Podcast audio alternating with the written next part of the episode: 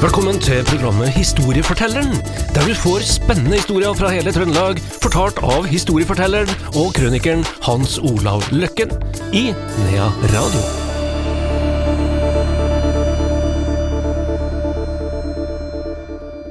Historiefortelleren på plass igjen her i Nea Radio også i dag. Eh, Velkommen til Hans Olav Løkken. Ja, takk. Vi eh, har jo hatt en del historier fra siste verdenskrig. Vi skal tilbake dit. Vi skal til, ja, vi får kalle det gamle Nord-Trøndelag nå da, og til en helt spesiell eh, operasjon. Ja, den er meget spesiell, og er jo kjent da blant eh, folk som er litt interessert i krigshistorie, for Operasjon Rype. Og da skal vi til 45. Det var jo da det hendte, men eh, har du tenkt over ordet sabotasje? Nå, nå, nå må jeg imponere litt, for nå har jeg lært meg hva sabotasje betyr. Jeg har jo ikke alltid visst det, jeg, bare, jeg vet hva en sabotasje er. Ja, det er jo sånn jeg tenker at Ja. du, du har jo både sett det og hørt det og lest det ja, mange, og det har vi gjort i alle år. Ja. Men hvor kommer ordet fra? Og det er jo, kommer da fra fransk. Og det oppsto faktisk talt en sabotasje på en fabrikk. Det var uenighet mellom ledelsen og arbeiderne, det var vel litt sånn streik og lønn og typisk litt fransk, og litt før gule vesters tid og alt det der. sånn at, at arbeiderne ble sinte og sur, og de gikk i tresko den gangen på, eh, på, på gulvet, ikke sant. Så kanskje 100 arbeidere på en fabrikk. Og Så ble det uenighet, så tok man treskoene og kasta inn i maskinene, sånn at maskinene, samlebåndene, stoppa. Så sabotasje er tresko. Ja vel. Det har jeg aldri hørt. Nei. Men eh, det er i hvert fall sånn jeg har funnet ut nå, da, i siste. Er mulig, Jeg ber om unnskyldning hvis jeg er helt ute av rota, men, jeg, men jeg tror det er rett, altså, Ja. et som jeg så på, på uh, internett. da. Men de gutta du skal fortelle om, de brukte definitivt ikke tresko. De brukte ikke tresko. Og det her er da folk som uh, på en måte ble plukka ut uh, allerede i, eh, tidlig på 44. Og de, eh, det var eh, en eh, bataljon på mange måter som skulle bestå av gåseøyne nordmenn. Altså, en av forutsetningene var at de kunne litt norsk. Eh, og der ser vi jo på om at det er norske navn når jeg så på navnene og sånn. Og de lå og trena oppe i Colorado, og var, var godkjente skiløpere, for de visste at de antagelig måtte bruke ski i Norge. Og, eh, men de havna da inn i, i vanlige, regulære tropper, så de var, gikk i land 6. juni i 44 i Normandie. Og han som på en måte var plukka ut som sjef, da, som er en meget kjent person i, eh, i, i spionverdenen, han Colby, som da blir sjef for CIA. Og så vil jeg komme tilbake til han, selvfølgelig. Men han Colby han var tidlig et sånt lederemne, og han gjorde det bra i Normandie. Så det er jo klart at hvis du gjør det bra i en krig, så avanserer du litt fort òg. Og han fikk folket og offiserene med seg, og han var da major 24 år gammel da, han herre Kolby. Og det er ganske tidlig, altså. Da. Og så hadde hun da funnet ut, da, amerikanerne, som da ikke jobba så særlig godt i lag med engelskmenn, ikke sant, det, der må vi tåle å høre, men det var veldig mye gnisninger der. Så hadde de funnet ut da at de skulle kanskje sende noen inn i Norge, og her begynner vi da å nærme oss 45. Og formålet var jo da å lage sabotasje overfor jernbanesystemet for å, å kanskje forhindre ishavsarmeen til tyskerne å trekke seg for raskt tilbake for å settes inn på kontinentet. Husk på at ishavsarmeen til tyskerne har aldri tapt et slag.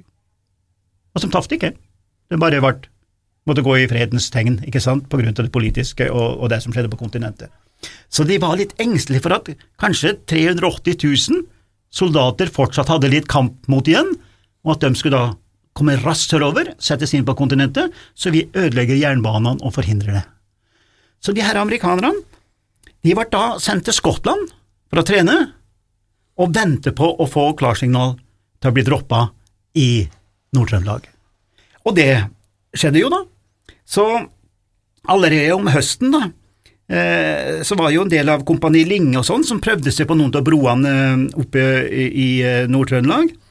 Eh, det gikk ikke noe særlig bra, de skulle jo sprenge Grana bru, bru og sånn, da, men det, det, det ble så mildvær og, og, og, og flom, og, de måtte bare gi opp. og julekvelden så hadde hun da rypesteik, den gjengen der, som ble eh, tilberedt av selveste eh, Jørgen Løkkeberg, som var en meget kjent skuespiller eh, etter krigen. Han er for øvrig truffet da jeg var liten unge, så derfor så vet jeg hvem det er. Og så gikk man over da, jula og nyttår, og man begynner å nærme seg utover våren, så skulle man da sette inn de her amerikanerne. Og de skal da ta av. Eh, eller, eller rettere sagt, de prøvde seg først eh, på ei bro opp med Jørstad, Jørstadbroa, eh, den 12. januar. Så der var det eh, også noe sabotasje, og det var i og for seg gåsehudene vellykka, da, for de klarte jo å stanse, eh, og, men det var jo veldig mye liv som gikk tapt da. Eh, det snakkes et sted mellom 100 og 200 stykker. Eh, jeg har ikke sjekka nøyaktige tallet, da. Så, så, så de var i og for seg i gang da hele tiden Eh, med å, å, å ødelegge broer. Men så kommer da de her amerikanerne. Så de skal altså da sendes inn under Operasjon Rype den 24. mars da med åtte fly. Bare halvparten av de fant fram. Og det skulle vært typisk senere dropp òg. De rota forferdelig, de her flyverne, så han norsk, norsk-amerikansk oberst som heter Skabo, han sa nå må det bli slutt, vi må bruke andre flyvere, de finner jo ikke fram. Det var det han skrevet om, da. Så Eh, det var bare eh, et par av flyene som virkelig lyktes, slik at amerikanerne ble droppa, og de havnet da på en gård oppe, eh, oppe i Lierne. Og der skal de da klare seg, men det kommer jo ikke støttefly. De fikk jo ikke proviant, de fikk ikke det de må ha, og det begynte å bli krise. Og så sender da amerikanerne nye fly over for å droppe, og det ene flyet landa i Bergen, andre landa i Sverige, og det tredje det eh, kom for lavt og var nede med vingen i Plukkjønnfjellet, og tolv stykker omkom der. Eh, et fly havarerte på vei tilbake, altså det gikk med ganske mange menneskeliv før de helt tatt kom i gang, da. Men eh, de ble liggende, da, og tyskerne skjønte jo at her er det noen, er det noen mennesker oppe i noen fjerne gårder eller oppe i fjellene, og prøvde å, å spore dem opp. Men han Colby, han la ut sånn snubletråd overalt. Så de, de, de, vanligvis skjuler du sporene dine, men nå var det om å gjøre å ha spor. Vet du ikke, Så fulgte da tyskerne etter, og så la de ut snubletråd, og da stanser nesten framrykninga, for da går det veldig sakte. For de ventet jo da på forsterkninger, da. Og så kommer den her tragiske med rype, da. Og Jeg husker første gangen jeg begynte å interessere meg for Operasjon Rype. Det var jo litt skriverier, da, fordi at det dukker nemlig opp fem tyskere der på hvor de da er, hvor nordmenn, nei, hvor de her amerikanerne er inne i hytta, da, og sånn. Og eh, så skjer det en eller annen form for misforståelse, sånn at den ene løsna skudd, og når den ene løsna skudd, så blir det jo andre løsna skudd. Så en nordmannen, han eh, blir truffet i, eh, i magen, og ettersom jeg har lest meg opp her for mange år tilbake, så var det første gangen at, en, eh, at det ble brukt penicillin i Norge mot, for å redde han der norske fyren som ble skutt. da. Mens de her fem tyskerne, de ble drept. Og da var det jo de som var ute og sa det at, at freden var kommet. At de skjøt dem etter den 8. mai, men det er ikke riktig, altså, for det her skjer 2. mai. Men man har altså blåst opp en historie som er blitt eh, større lønns, for å si det sånn. Så så de, de, de skyter tyskerne, og så hører de De visste ikke at krigen var ferdig, da, inne i isolerte gårdene helt inn med svenskegrensa, før 11. Da hører de på en slags eh, svensk radio og sånn, om at freden var kommet. Ja ja, da får vi tusle ned i bygda, da. Og da tar han Kolby med seg, de her folkene, da, og drar ned til Steinkjer. Og de ble jo på en måte helter, ikke sant? Og de dro derfra med taler og sånn der, så kom de til Stjørdal, der var det taler med ordføreren og hele greia, og de skulle liksom inn til Trondheim, da. Men der var engelskmenn, og engelskmenn ville ikke dele æren med noen, vet du, så engelskmenn omtrent saboterte igjen, da, sine allierte, og det gikk jo så langt at de skulle nesten bli nekta å gå i 17. mai-toget, Det skulle engelskmenn ha for seg sjøl. Veldig mye skriverier om dette her eh, striden. Og engelskmenn klarte vel på en eller annen måte å vri det til at amerikanerne måtte dra til Namsos og drive med fangetjeneste. Altså, elitesoldater driver ikke med, med fangetjeneste, de, de, de, skal brukes til noe annet, altså. Så det har vært veldig strid, og dette er jo Kolby tatt opp i bøkene sine og, og, og sånn om, om, om engelskmenns, eller forhold til engelskmenn. Men så, han her er Kolby, skjønner jeg. Han har jo vært i Norge noen ganger, og Uh, jeg har jo til og med sittet i samme stol som han har sittet i, oppe på Soria Moria, som oppe i Verdalen og sånn, og fått historier fra den familien der. Og han, han var en stor personlighet på mange måter. Uh, han var jo da CIA-sjef under Vietnamkrigen, da var han jo i Vietnam, og så videre og så videre. Og så kommer jo det som skjer, da. Altså, han dør under merkverdige omstendigheter i 96. Da. Her, her er jo mange tiår etterpå. Da har han jo vært CIA-sjef.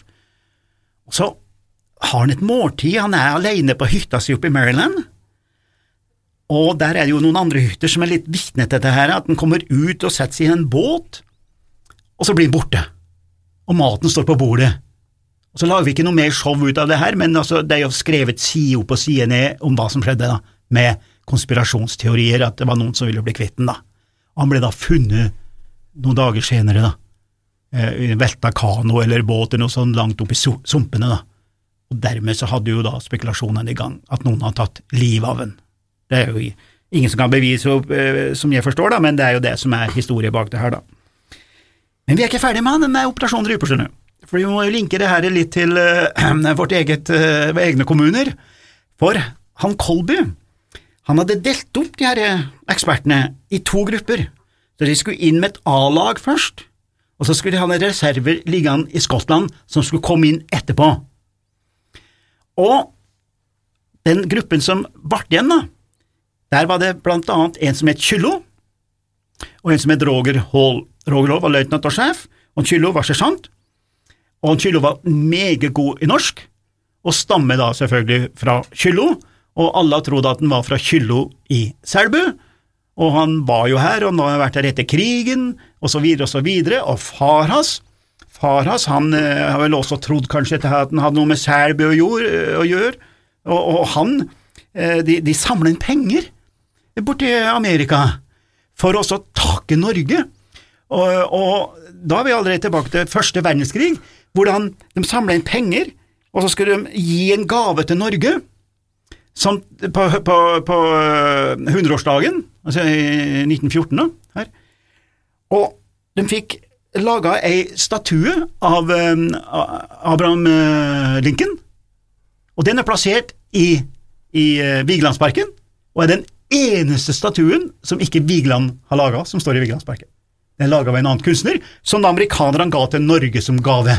Og det var han herre faren, altså Kyllo, som trodde han kom fra Selbu, som sto bak alt sammen. Og Han satt da selvfølgelig ved siden av kong Haakon under avdukingen og middagen og sånn, da, og trodde han fortsatt han var fra Selbu. Men så de siste årene så har jeg funnet ut at de kommer fra Kyllobakkan i Hegra, da. Og jeg har jo truffet familien i Amerika, de har gjort det ganske bra der borte og sånn. Og så kommer de, da.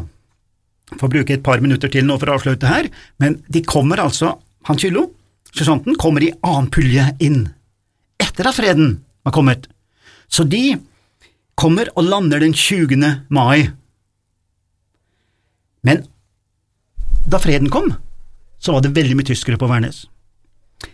Stasjonssjefen, det var den opprinnelige stasjonssjefer i et tysk system på flybaser, eh, en av toppsjefene på Værnes satt i Bordeaux, blant annet, og sånt, og de ulike Staffel hadde sjefene sine plassert rundt i Europa. Men den som på en måte var regna som stasjonssjef, og som i, i vårt system, da, det var en som het Bentin, og han overga først Værnes, han, han, bodde, på, han bodde altså på Medbroen, han overga Værnes eh, den 16. mai til engelskmenn. Men tyskerne var liksom ikke helt villige til å overgi seg enda, dem. Så da kom han Kyllo, vet du, som trodde han var fra Seierbu.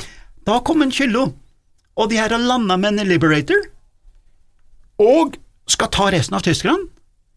Og, de, og han Roger Hall, han sier at høyeste offiser må komme her og overgi seg, og det var en som het oberst Stiefel, men oberst Stiefel ville ikke overgi seg til en løytnant. Altså, det har noe med verdigheten å gjøre, du skal overgi det til samme grad, ja. ikke sant? Mhm. Her.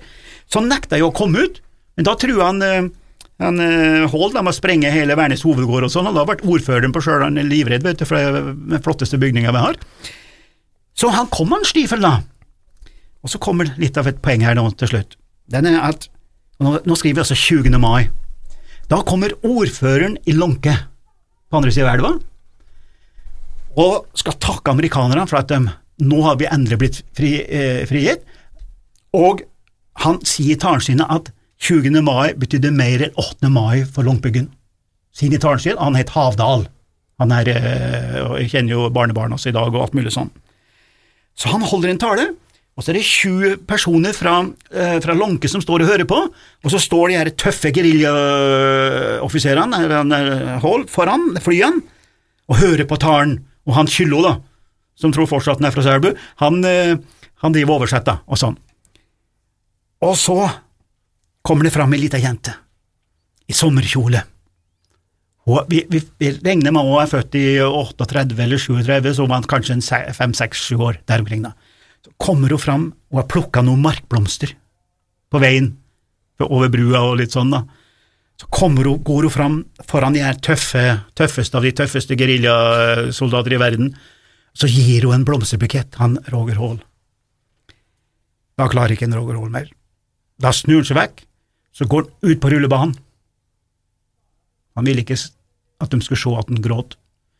Og så står han der, og så snur han seg, og da hadde mora tatt to jenter og leier henne bort, og de går tilbake til Lånke. Og så snur hun jenta og vinker til henne. Og da sa han det at, til seg sjøl, det er et håp i verden likevel.